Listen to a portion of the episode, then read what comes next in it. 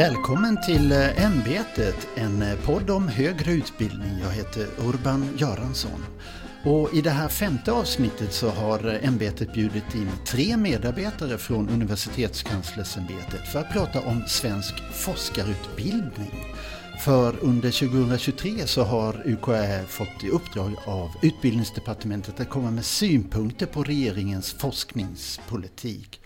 Och nu här i höstas så lämnade UKÄ in sina synpunkter i en rapport till Utbildningsdepartementet. Och därför så undrar ämbetet vad eh, UKÄs synpunkter handlar om och hur det egentligen står till med eh, svensk forskarutbildning. Så välkomna hit eh, Kristina Sundberg från UKÄs utvärderingsavdelning och som dagligdags jobbar med, mycket med utbildningsutvärderingar. Ingrid Pettersson, du är också här och du jobbar med statistik och analys av statistik vid UKÄs analysavdelning. Och så har vi också bjudit in Annika Pontén som är ställföreträdande generaldirektör för Universitetskanslersämbetet. Välkomna ska ni vara. Tackar. Ja, tack. Det är klart vi går rakt på sak och undrar och tar tempen lite på hur den svenska forskarutbildningen mår. Vad säger du Annika? Ja, men det är ju naturligtvis väldigt svårt att generalisera när det gäller forskarutbildningen. Den är väldigt diversifierad och, och bedrivs på väldigt många ställen. Det, men vi kan väl säga att vi tycker, det är mycket som fungerar väldigt bra. Eh, men det finns också ett antal områden som har utmaningar som vi behöver uppmärksamma. Och vi ser ju sådana utmaningar både vad gäller kvalitet och dimensionering kring forskarutbildningen. Ehm, och man kan väl också säga att det är svårt att få till en balans ibland på lärosätena mellan de områden där man har en stor grundutbildning och där man har en stor forskningsverksamhet och då hitta forskarutbildningsdimensioneringen däremellan. Samtidigt skulle jag vilja säga att vi har ju tyckt genom åren att forskarutbildningen är alldeles för lite belyst. Vi jobbar mycket med forskarutbildning, har gjort det väldigt intensivt de senaste åren. Men eh, i övrigt är det inte så stor diskussion om forskarutbildningen. Så vi tycker det är jättekul att vara här och prata om den. Mm, tack. Ingrid Pettersson? Eh, ja, och det är så stora skillnader mellan forskarutbildningen så att eh, det beror på liksom vem man frågar. vi har intervjuat några lärosäten och de säger då att Eh, det behövs mer pengar till forskarutbildningen. Sen kan det vara några doktorander som säger att det krävs mer handledning. Så att det finns stora variationer. Mm. Och Kristina Sundberg? Ja, men från kvalitetssynpunkt så skulle jag säga att svensk forskarutbildning mår bra. Vi har ju tittat på över 150 forskarutbildningar de senaste åren. Och eh, där var det ju 9 av 10 granskade utbildningar som får omdömet hög kvalitet. Men vi ser ju också, precis som ni nämner, att det finns ju utvecklingsområden och många har gemensamma utmaningar. Till exempel att man befinner sig i små forskarutbildningsmiljöer.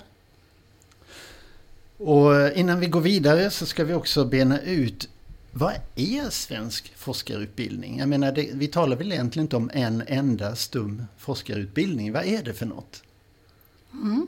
Eh, jag kan börja med lite siffror då och det är att eh, det finns då 18 000 doktorander i Sverige på forskarutbildningen. Eh, och det, och det senaste året, så, så 2022, så började ungefär 3 000. Så att, men de senaste 20 åren så har, har, antalet doktorander legat mellan 18 och 20 000 och nybörjarna har legat mellan 3 000 till 4 000. Så, och, så, att det kan, så att det har inte varit någon större expansion utan det är ganska jämnt under de senaste 20 åren. Mm. Eh, och eh, sen kan man också säga då att det finns ett stort ins internationellt inslag på forskarutbildningen. Och de utländska doktoranderna som vi har som är här för att läsa en forskarutbildning, de uppgår till 40 procent och har gjort det de senaste 10 åren. Eh, det, och på forskarutbildningen så går det ungefär lika många kvinnor och män. Mm. Eh, och, men sen så finns det skillnader då mellan eh, disciplinerna som du nämnde. Då, för, och så vi kan se då att det största forskningsämnesområdet då, det är medicin och hälsovetenskap, där en tredjedel av doktoranderna går och det minsta är då lantbruksvetenskap och veterinärmedicin. Uppsala. Men Kristina, du kan Ja. väl fylla på? Ja men precis. Alltså, vi kan ju konstatera då att examensmålen för doktorsexamen, de är ju de samma för alla discipliner. Men naturligtvis så skiljer sig de här forskarutbildningsmiljöerna mellan disciplinerna, skiljer sig åt. Alltså man kan ju befinna sig i helt olika fysiska miljöer, till exempel som en labbmiljö gör vissa medan andra inte alls. Eh, och man har olika tillgång till ja, kursutbud och seminarieverksamhet så här. Så att det ser olika ut. Mm. Du nämnde 18 000 Ingrid, forskarutbildade i Sverige. Är, är det tillräckligt och 3 000 just nu pågående som går forskarutbildningen? Vad, vad, vad, är det, täcker det det behov vi har? Är det för få eller för många eller hur ser det ut? Ja. Ja, det var 3 000, det är 18 000 som går på forskarutbildningen medan det var 3 000 som började det senaste året. Tack. Eh, Men eh, ett projekt så tittade vi då på eh, om och försökte undersöka om det var för få eller för många. Eh, Och eh, där kunde vi, hittade inte vi några belägg för att det skulle vara för många som utbildas. Eh, Antalet forskarutbildade har ökat på den svenska, efter, svenska arbetsmarknaden de senaste tio åren. Eh, och eh, vi gjorde en undersökning och tittade på jobbannonser så att vi kunde se att efterfrågan på forskarutbildade har ökat mycket också de senaste tio åren. Så, att, eh, så det finns ju inget belägg för att det skulle vara för, för många som utbildas. Mm. Eh, Men sen kunde vi också då se att, att inom vissa områden som eh, eh, disputerade lärare inom lärarutbildningen och Mm. eh, inom vård Just det, vi kommer Så. att komma dit ganska snart. Ja, så, så kunde vi se då att det är för få som utbildas. Då. Men så Mm. totalt sett så kan vi säga att det är svårt att säga att det är för få eller att det är för många helt enkelt. Du var inne nyss på eh, vissa områden och, och eh, jag tänkte fråga, på, vi har ju fått, UKÄ har ju fått det uppdraget av Utbildningsdepartementet. Och eh, nu i november då så kom rapporten från UKÄ 2023 här där eh, synpunkter på regeringens forskningspolitik fanns. Och vi ska väl säga då att UKÄs uppdrag för utbildning och forskning omfattar kvalitetssäkring, granskning av effektivitet, uppföljning, eh, Eh, tillsyn och chefsutveckling inom högskoleområdet. Och det här uppdraget nu då har varit att komma med synpunkter på den kommande forskningspolitiska propositionen 2024. Och där har då UKÄ funnit fem punkter som är särskilt viktiga att föra fram. Och vi kan väl börja med UKÄs synpunkt vad det gäller forskarutbildning inom bristyrken. UKÄ menar här att det behövs en långsiktig förstärkning av finansiering inom vissa delar av forskningsutbildningen. Vilka områden talar vi om här och vad saknas i forskningsutbildningen inom de här områdena? Jag tänker att Annika, du får börja där. Mm. Ja, vi ser ju en, en bristyrkesproblematik på många områden där vi inte får ut tillräckligt stora volymer, till exempel på hälso och sjukvårdssidan och inom lärarområdet. Ehm, men vi vill ju tydliggöra att det handlar ju inte bara om volymer utan det handlar ju också om kvaliteten i utbildningen. Och en förutsättning för att högskolan ska kunna bidra till kompetensförsörjningen på ett bra sätt eh, både inom hälso och sjukvård och, inom skolan är ju att det finns en god tillgång till lärare i högskolan med vetenskaplig kompetens. Det är ju avgörande för kvaliteten. Och det där har ju vi konstaterat i vårt arbete, men eh, i, i våra utvärderingar. Men vi har också eh, kunnat se att andra tittar på detta. Nationella vårdkompetensrådet till exempel har ju just påpekat att det finns ett stort behov av disputerade inom utbildningen som leder till hälso och sjukvårdsyrken. Mm. Så eh, det här är stora utbildningar på hälso och sjukvårdssidan Ja, och på skolsidan. Där ju forskningen och forskningsanknytningen och forskarutbildningen behöver följa med. Kristina? Ja, alltså vi har ju sett i flera av våra kvalitetsgranskningar också andra projekt, regeringsuppdrag och så vidare. Det här med bristen på eh, disputerad disputerade lärare, särskilt på, för eh, lärarområdet och inom vården då särskilt för sjuksköterskorna. Eh, och i dialog med lärosätena så har ju det kommit fram då att det är ett gemensamt dilemma till exempel för lärare och sjuksköterskeutbildningar att lärosätena måste konkurrera ibland om forskarutbildad med vården och skolan och där går lärosätena ofta förlorade ur. Och ett annat gemensamt dilemma för de här utbildningarna det är det här scenariot att det behövs ta in fler studenter på programmen eftersom det ofta är bristyrken vi pratar om. Och då blir det ju alltså fler studenter per kvalificerad lärare och så har vi ett mm. Eh, cirkelproblem igång. Precis. Eh, det finns också i alla fall på sjuksköterskesidan stora pensionsavgångar som kommer för de disputerade lärarna. Det är ju ett annat eh, dilemma. Eh, och sen konstaterar ju lärosätena att det här är ju en väldigt eh, lång process att säkra de här eh, lärarkompetenserna. Och det är också därför vi har lagt det här förslaget att det behövs resurser till att bygga upp Eh, det tar tid att bygga upp den här eh, kompetensen av disputerade lärare. Mm, mm. Ingrid, vill du fylla på? Ja, jag kan komplettera då i ett projekt som vi jobbade med för något år sedan, Fokus forskarutbildade, och där intervjuade vi ett antal lärosäten och, och de framförde ju också just det här att eh, de, de saknar disputerade lärare inom vård och inom lärarutbildningarna så, så, så, att det finns ett behov av att, att det byggs vidare. Mm. Men hur har det blivit så här då att man inom då, ja, säg hälso och sjukvård men även lärarsidan har, har gått in i en sån här svacka inom universiteten? Alltså att det inte finns tillräckligt med, med disputerade lärare så att säga på lärosätena. Det är väl egentligen så att det har varit en problematik från början, skulle jag säga. Att lärarutbildningarna och, och hälso och sjukvårdsutbildningarna generellt sett har inte samma långa historik inom högskolan som andra utbildningar har och därmed inte kanske byggt upp den robusta forskningsgrunden. Mm. Och samtidigt så har de här utbildningarna, precis som Kristina säger, väldigt expanderat väldigt mycket och då blir det ännu svårare för forskningsdelen och forskarutbildningsdelen att, att hänga med och komma ikapp. Ja. Efterfrågan frågan blev för stor så att säga och då var man inte förberedd? Nej, det kan man väl säga. Alltså, ja. Skulle ni säga att det är akut inom de här områdena ni, ni tog upp här, hälso och sjukvård, lärare? Alltså vi pratar ju om två samhällsbärande liksom, professionsyrken, mm. legitimationsyrken. Så det här är ju väldigt viktiga eh, frågor. Mm. Men samtidigt så tar ju de här processerna väldigt lång tid, mm. som vi varit inne på. Så att det är ju den här motsättningen som finns hela tiden. Mm. mm. Och viktigt att inte tappa fokus på kvaliteten när man expanderar volymerna. Det är ju också viktigt. Men vad gör en forskarutbildad då? Alltså vad tar de vägen om de inte väljer att eh, forska vidare vid något eh, lärosäte? Hur ser det ut på arbetsmarknaden för dem? Mm. Och eh, vi har gjort undersökningar om det och då kunde vi då se då att eh, de flesta går ju då till kunskaps och forskningsintensiva eh, områden och jobbar på, på, på, den typen av arbeten. Kan du exempel? Och, och, och flest forskarutbildade finns ju förstås då på universitet och högskolor. Då. Mm. Eh, och sedan så finns det många inom eh, sjukvården och sen så finns det många också inom FoU-intensiva eh, sektorer och, eh, och också pro programbara producenter. Det var det som vi kunde se som fanns då i, i den undersökningen vi gjorde. Och sen så kan, vi, kan jag nämna då att andelen forskarutbildade kvinnor då mm. har ökat då på arbetsmarknaden, vilket är intressant att se.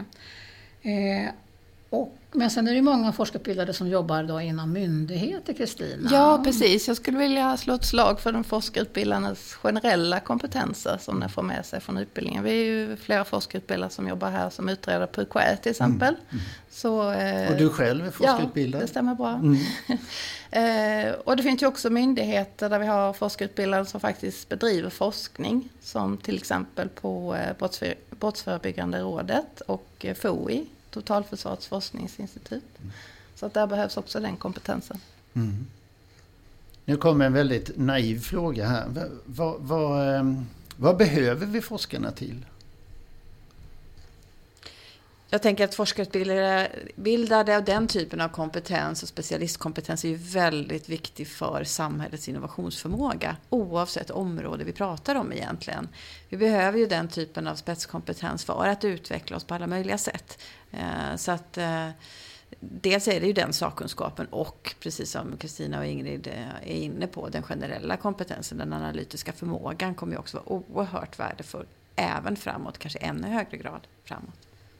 Och då också för att vi ska kunna få eh, forskarbaserad utbildning, högre utbildning i Sverige. Då är ju det vi redan varit inne på, då behöver vi forskarutbildade lärare. Det är ju jätteviktigt för den högre utbildningen. Mm. Kontinuiteten. Om vi tittar på hur, hur doktoranderna har det då. Vad, vad har de för liksom villkor det verkar vara en komplex situation. Man jobbar som forskare, man undervisar som lärare till exempel parallellt med det. Man pluggar samtidigt och då är man studerande. Alltså det, det verkar vara en liten brokig sits. Mm. Jag kan ju börja med att nämna då att eh, det är ungefär 70 procent av doktoranderna som har en doktorandanställning och då har man ju då fått en, en, eh, en ganska stabil anställning.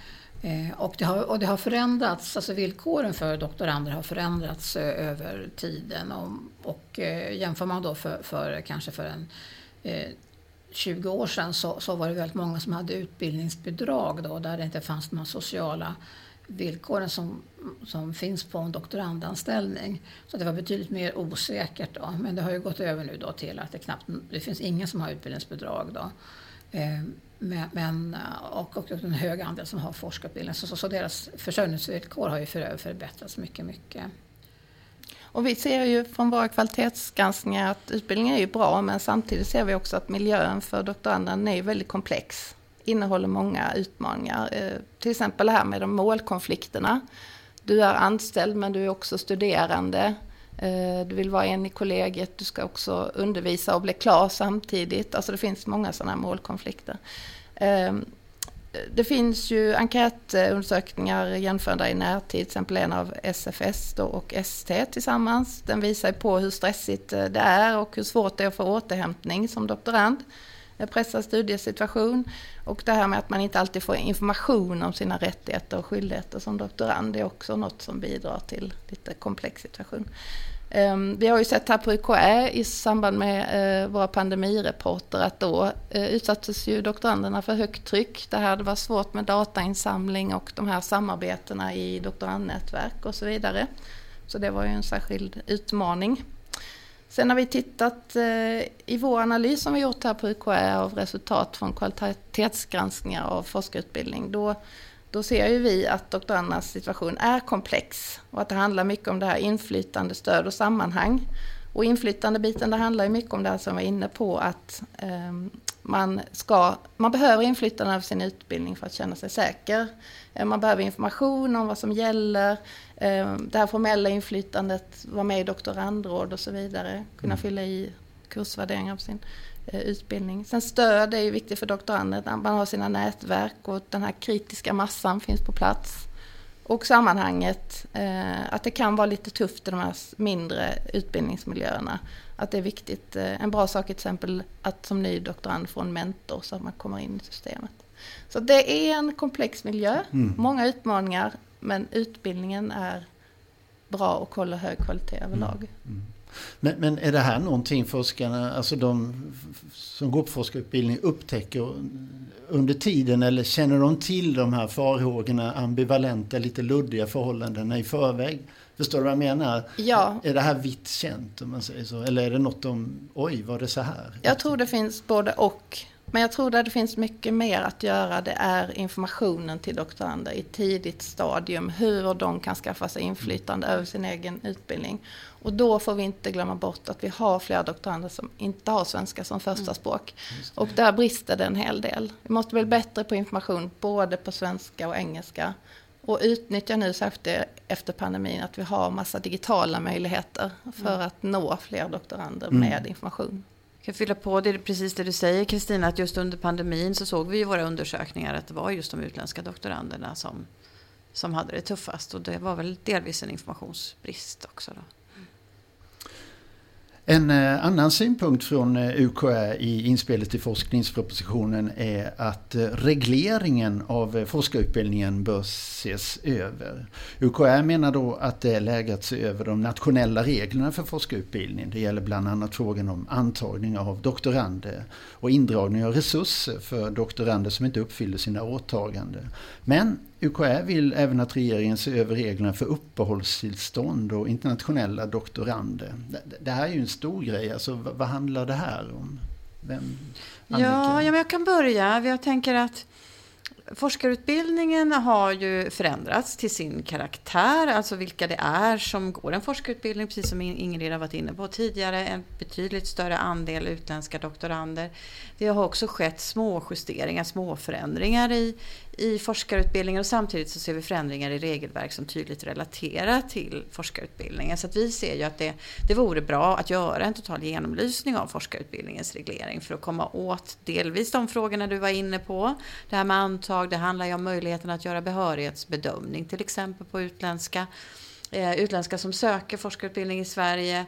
Eh, det finns sådana saker som som har med också då eh, om forskarutbildningen inte fungerar, om doktoranden inte gör det som förväntas och så. Så att vi tycker att det finns skäl att se över eh, forskarutbildningen. Och sen är det just den här frågan kring eh, kompetensförsörjningen av forskarutbildade i Sverige på sikt. Därför att när vi har en stor andel utländska doktorander och om det då blir svårare för dem att faktiskt stanna i Sverige efter fullgjord utbildning samtidigt som vi är i stort behov av eh, kompetenta eh, och vetenskapligt eh, utbildade personer i olika verksamheter så blir ju det en Mm. Ja, det blir en utmaning och här har ju regeringen aviserat att man planerar att, att göra en översyn. Men mm. vi ser ju att, eh, och det tänker jag att Ingrid, du kan berätta mer om hur, huruvida man stannar eller inte och vad som har hänt där de senaste åren. Mm.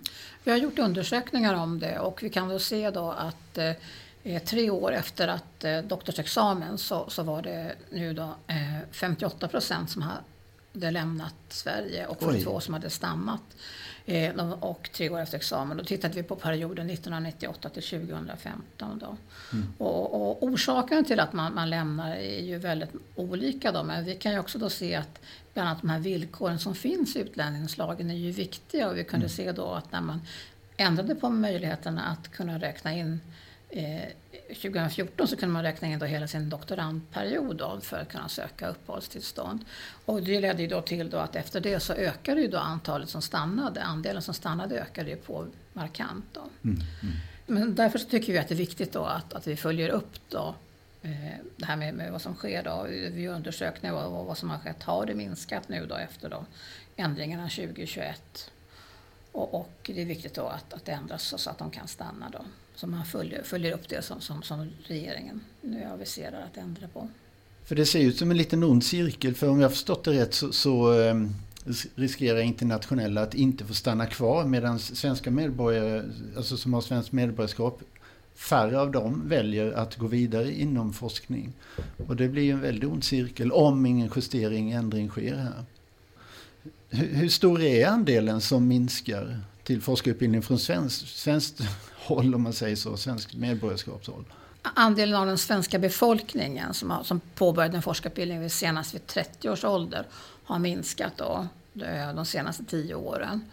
Eh, och eh, nu är det ungefär eh, så, att den har kanske halverats då de senaste 15 åren. Oj. Men det beror också delvis på hur många som påbörjar en forskarutbildning samtidigt och så vidare. Men, men eh, och vi kan se också att en orsak till att några har blivit äldre då och samtidigt så har ju då eh, andelen utländska doktorander ökat som jag har nämnt tidigare då. Mm. Så, så, att det finns en större del och därför är det också viktigt då att de stannar. Mm, när, när den svenska, när andelen av den svenska befolkningen minskar. Men sen så när vi tittade på det vidare så såg vi också att eh, lönen kan ju vara en viktig aspekt mm. för att man inte påbörjar en forskarutbildning bland svenskarna. Och vi kunde se då att det sällan verkar löna sig ekonomiskt att påbörja en forskarutbildning jämt att, jämfört med att, att uh, gå ut på en utbildning på grund eller avancerad nivå på universiteten. Skiljer det sig internationellt sett? Jag menar, är det, är det, är det högre än i Tyskland till exempel? Det, det, är, det är svårt att, att göra de här internationella jämförelserna. Men, men det som vi har sett eh, för, för, för, förefaller att, att det verkar vara fördelaktigt att kanske ha en forskarutbildning i Tyskland än, än i Sverige. Jag tror ju också att, eh, precis som Ingrid säger, att det är viktigt att titta vidare på. Det skulle ju också kunna göra med att man, det är lite svårt att se vad, om jag, om jag läser en forskarutbildning och tar en doktorsexamen, vad, vad, vad, vad händer sen? Vad, hur ser arbetsmarknadsmöjligheterna ut? Mm. Och att det kanske, att det finns en bred mark, arbetsmarknad utanför universitet och högskolor, kanske inte uppenbart för de som funderar på om de ska söka en forskarutbildning. Så mm. sådana saker kan ju, kan ju påverka också. Mm. Men Kristina, hur skulle du säga att kvaliteten är på den svensk forskarutbildning? Ja, men som jag tror jag har nämnt så är ju kvaliteten bra. Men det finns också utvecklingsområden såklart. Och eh, i våra kvalitetsgranskningar här de senaste åren så är det ju var fjärde utbildning som har fått jobba vidare på vissa saker innan man har kommit helt i mål. Ehm, och våra utbildningsutvärderingar då som har tittat på kvaliteten, de ska ju säkerställa att lärosätena eh, ser till att doktoranderna får förutsättningar att nå sina mål i examensordningen. Helt enkelt. Mm. Det är det som är det huvudsakliga syftet. Och vi har ju tittat då på över 150 eh, eh, forskarutbildningar de senaste åren och det har ju varit inom skilda forskningsämnen till exempel som organisk kemi, historia, musik, energisystem. Eh, så det har varit väldigt spännande och intressant. Mm. Vi jobbar i den här processen med hjälp av en eh, bedömargrupp och den vägledningen som vi jobbar efter då har tittat på vissa specifika saker som till exempel eh, hur det ser ut på personalsidan med handledare och lärare sammantagna kompetens, hur utbildningsmiljön ser ut, måluppfyllelsen av examensmålen som jag redan har nämnt här för doktoranderna. Men också andra saker som till exempel hur jämställdhetsperspektivet tas tillvara i utbildningen. Alltså och doktorandperspektivet, vilket betyder hur deras fysiska och psykosociala arbetsmiljö ser ut. Också det här som vi var inne på nyss, hur det fungerar med arbetsliv och samverkan. Alltså förbereder forskarutbildningen dem för förändringar i arbetslivet och är utbildningen användbar i det framtida yrkeslivet. Så det är saker som eh, vi har tittat på i de här granskningarna. Mm, mm. Och då har vi ju sett vissa övergripande resultat, att det fungerar ofta bra med handledning och utbildningsmiljö, men det finns ju utmaningar också då, särskilt i små forskarutbildningsmiljöer som jag nämnt tidigare, där man kanske eh, inte har så eh, stor möjlighet att eh, diskutera i kollegiet och så, inte så många handledare. Ehm, det kan vara bra att ha en mentor utanför sin handledargrupp. Som doktorand är man ofta utlämnad till sin handledare. Mm. Så det är någonting som ett gott exempel som har kommit fram. Um, Ger ett perspektiv utifrån om man säger så? Ja, precis. Mm. precis. Det är ju det här förhållandet, eh, maktförhållandet mellan doktoranden och handledaren, det är ju speciellt. Mm. Så det har ju inte studenten på samma sätt, den klassiska studenten, utan det är ju särskilt för doktoranden. Mm. Um, Ja, vad gäller arbetsliv och samverkan så fungerar det överlag bra. Men det är just det här som Annika var inne på, karriärplanering för jobb utanför akademin. Det är någonting som vi ser behöver stärkas överlag. Så där har lärosätena mer jobb att göra. Eh, man kan också involvera alumnerna mer. Eh, men det finns ganska bra samverkan med industrin inom de här ämnena som har den eh, naturliga kopplingen som kemi till exempel. Mm. Eh, det kan ibland vara lite svårt att få till den här balansen för doktoranden mellan djup och bredd i ett ämne. Och där behöver ibland lärosätena gå ihop och samarbeta lite mer för att få till det. Det kan gälla till exempel kursutbud och så här. Mm. Är man på ett mindre lärosäte så kan det vara svårt att få till alla kurser som doktoranderna behöver. Att, Då, alltså att de inte erbjuds där? Precis, ja. de inte erbjuds. Då gäller det att kunna samarbeta kring doktorandens kompetens, att de når examensmålen. Där måste lärosätena liksom gå ihop mer. Mm. Digital lösning så att säga? Digital lösning mm. är väl utmärkt. Kurser på nätet om ja, man kallar precis, det så. Ja, precis. Eh, sen kan det vara svårt för vissa doktorander att nå en del mål för att de på grund till exempel av sin anställningsform eh, inte kan undervisa lika mycket som de skulle behöva undervisa i utbildningen, alltså undervisa studenterna. Och då är det vissa mål som är svåra att eh, uppnå i doktorandutbildningen, det ser vi också genomgående. Har, ehm. har, den plikten, om man kallar det så, att undervisa, mm. har, har den ökat över åren eller hur, hur, ser det ut? För om jag har förstått det rätt, fördomen om forskare är att de gillar inte att undervisa, de vill forska. Och när ja. man då får göra båda delar under den tiden så, så har den ökat? Så att alltså, säga? Eh, det kan jag inte säga, men många doktorander har ju en hög eh, undervisningsgrad och det mm. gör det ju, det är ju den här balansen då att de måste undervisa, uppnå de målen men de måste också bli färdiga med sin avhandling. Mm. Så det är ju liksom en målkonflikt. Ja, mm. absolut. Um, de utbildningar som hade lite att jobba vidare på efter uh, utvärderingen och innan det som vi kallar uppföljning.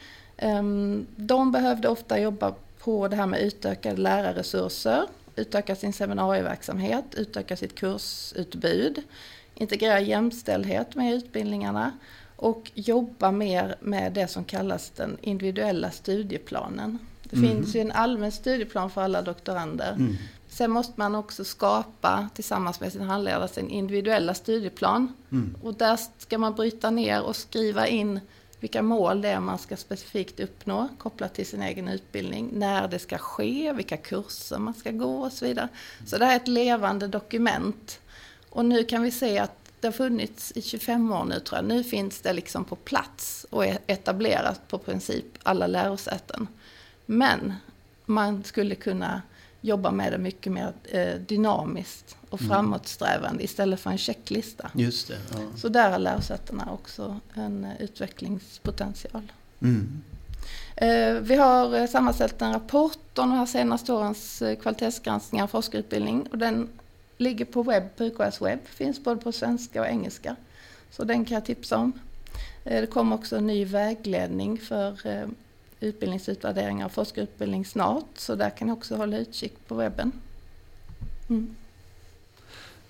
Går det att säga någonting internationellt? Alltså vår kvalitet jämfört med internationell kvalitet i forskarutbildning? Ja, alltså vi kan ju säga att vi är ju, är ju medlemmar i ENKA, det här europeiska nätverket för kvalitetssäkring av högre utbildning. Så att alla våra granskningar li, ligger i linje med ESG, de här europeiska standards. Um, så på så sätt så måste vi liksom i alla fall granska kvaliteten på ett likvärdigt sätt med många andra i Europa. Mm. Eh, men man kan väl också säga liksom av erfarenhet att i en internationell kontext så står ju sig den svenska forskarutbildningen väl på så sätt att doktorander i Sverige har en ganska hög grad av självständighet. De uppnår det och de gör ganska omfattande forskningsprojekt eh, om man jämför med en del eh, internationella kontexter. Ja, mm. Frihet under ansvar. Ja, ja. Jag tänkte att vi skulle gå vidare och titta på vi ska titta på statistiken över antalet på forskarutbildningen i Sverige över en lite längre tid. Och så är det ju så att sedan 70-talets eh, start fram till början av 2000-talet så ökade antalet nybörjare på forskarutbildningen. Men sen så händer det någonting. Det, det planar ut nu. Vad, vad, händer, vad beror det här på? Mm. Man kan ju titta på att forskarutbildningen då, 19, början av 1970-talet då var ju ganska liten och, och den, sen så tillfördes det ju då mera medel till forskarutbildningen och flera doktoranställningar inrättades. Eh, så, så, det ökade ju på hela tiden då med forskarutbildningen fram då tills man kom till eh, början av 2000-talet. Sen har den legat på en ganska konstant nivå fram till tills nu då. Men däremot så var vi, har ju också, var, var vi alldeles nyss inne på det här med rekryteringen också. Mm. Eh, och, och, och, den påverkar mycket där vi pratade om då att, att eh, andelen av den svenska befolkningen hade ju minskat mm. och att det är fler utländska som har tillkommit. Då. Men eh, vad, vad, är viktigast framöver då? Hur hoppas ni att forskarutbildningen ska se ut framöver? Vad säger du Kristina? Ja, jag skulle vilja slå ett slag för det här med individuella studieplan som jag varit inne på redan. Att eh, uppmana och uppmuntra lärosätena att fortsätta jobba aktivt med den. Då kommer vi stärka forskarutbildningen ännu mer. Och det finns andra projekt i sektorn just nu som handlar just om individuella studieplan så det känns väldigt aktuellt. Och också det här att eh, jag hoppas att lärosätena jobbar vidare på det här med information om rättigheter och skyldigheter till doktorander. Gärna i digitalt format och gärna på engelska. Ingrid? Eh, ja, någonting som jag tycker är viktigt så, som vi har pratat om tidigare så, så är det då den här eh, ändringen i utlänningslagen då, så, som eh, jag tror att det är viktigt så att vi får fler utländska doktorander att stanna kvar. Eh, och det har ju aviserats att, att det ska komma ändringar. Eh, ja, så, och sen, sen så mera studier, mer kunskap om forskarutbildning. Annika? Mm, nej, men jag tänker att jag vill äh, haka på just det här med, med, mer kunskap om forskarutbildningen. För som sagt var, för att återknyta till det jag sa inledningsvis så har det varit fantastiskt roligt att få prata forskarutbildningen på det här sättet. Och vi tycker ju att det är fler som behöver diskutera forskarutbildningen, belysa den. Så att man också kan se vad, vad, vad är forskarutbildningen eh, användbar för och hur kan vi med hjälp av kompetent disputerad personal utveckla olika samhällsområden. Och hur, vilken blir då behovsbilden utanför lärosätenas verksamhet? Den tänker jag eh, behöver diskuteras mer mm. än vad man gör idag. Helt enkelt hela området måste upp till ytan mycket mer. Ja, bli levande i, mm, i samhällsdebatten mm, om man säger så. Mm. mm. Att det finns en mer aktiv diskussion kring, kring forskarutbildningen och dess bidrag. Stort tack för att ni ville vara med i ämbetet och berätta om UKS inspelt i det här viktiga temat forskarutbildningen. Annika Pontén, ställföreträdande GD för UKÄ, Kristina Sundberg, utvärderingsavdelningen och Ingrid Pettersson, analysavdelningen. Tack för att ni kom till ämbetet. Tack så mycket. Tack Du har hört Ämbetet, en podd om högre utbildning. Ämbetet produceras av Universitetskanslersämbetet och i redaktionen ingår Urban Göransson, Leila Sobir och Karl Edqvist. Vill du kontakta ämbetet så skriver du till e-postadressen press uka.se och besök gärna vår hemsida uka.se. Tack för att du har lyssnat och vi hörs snart igen.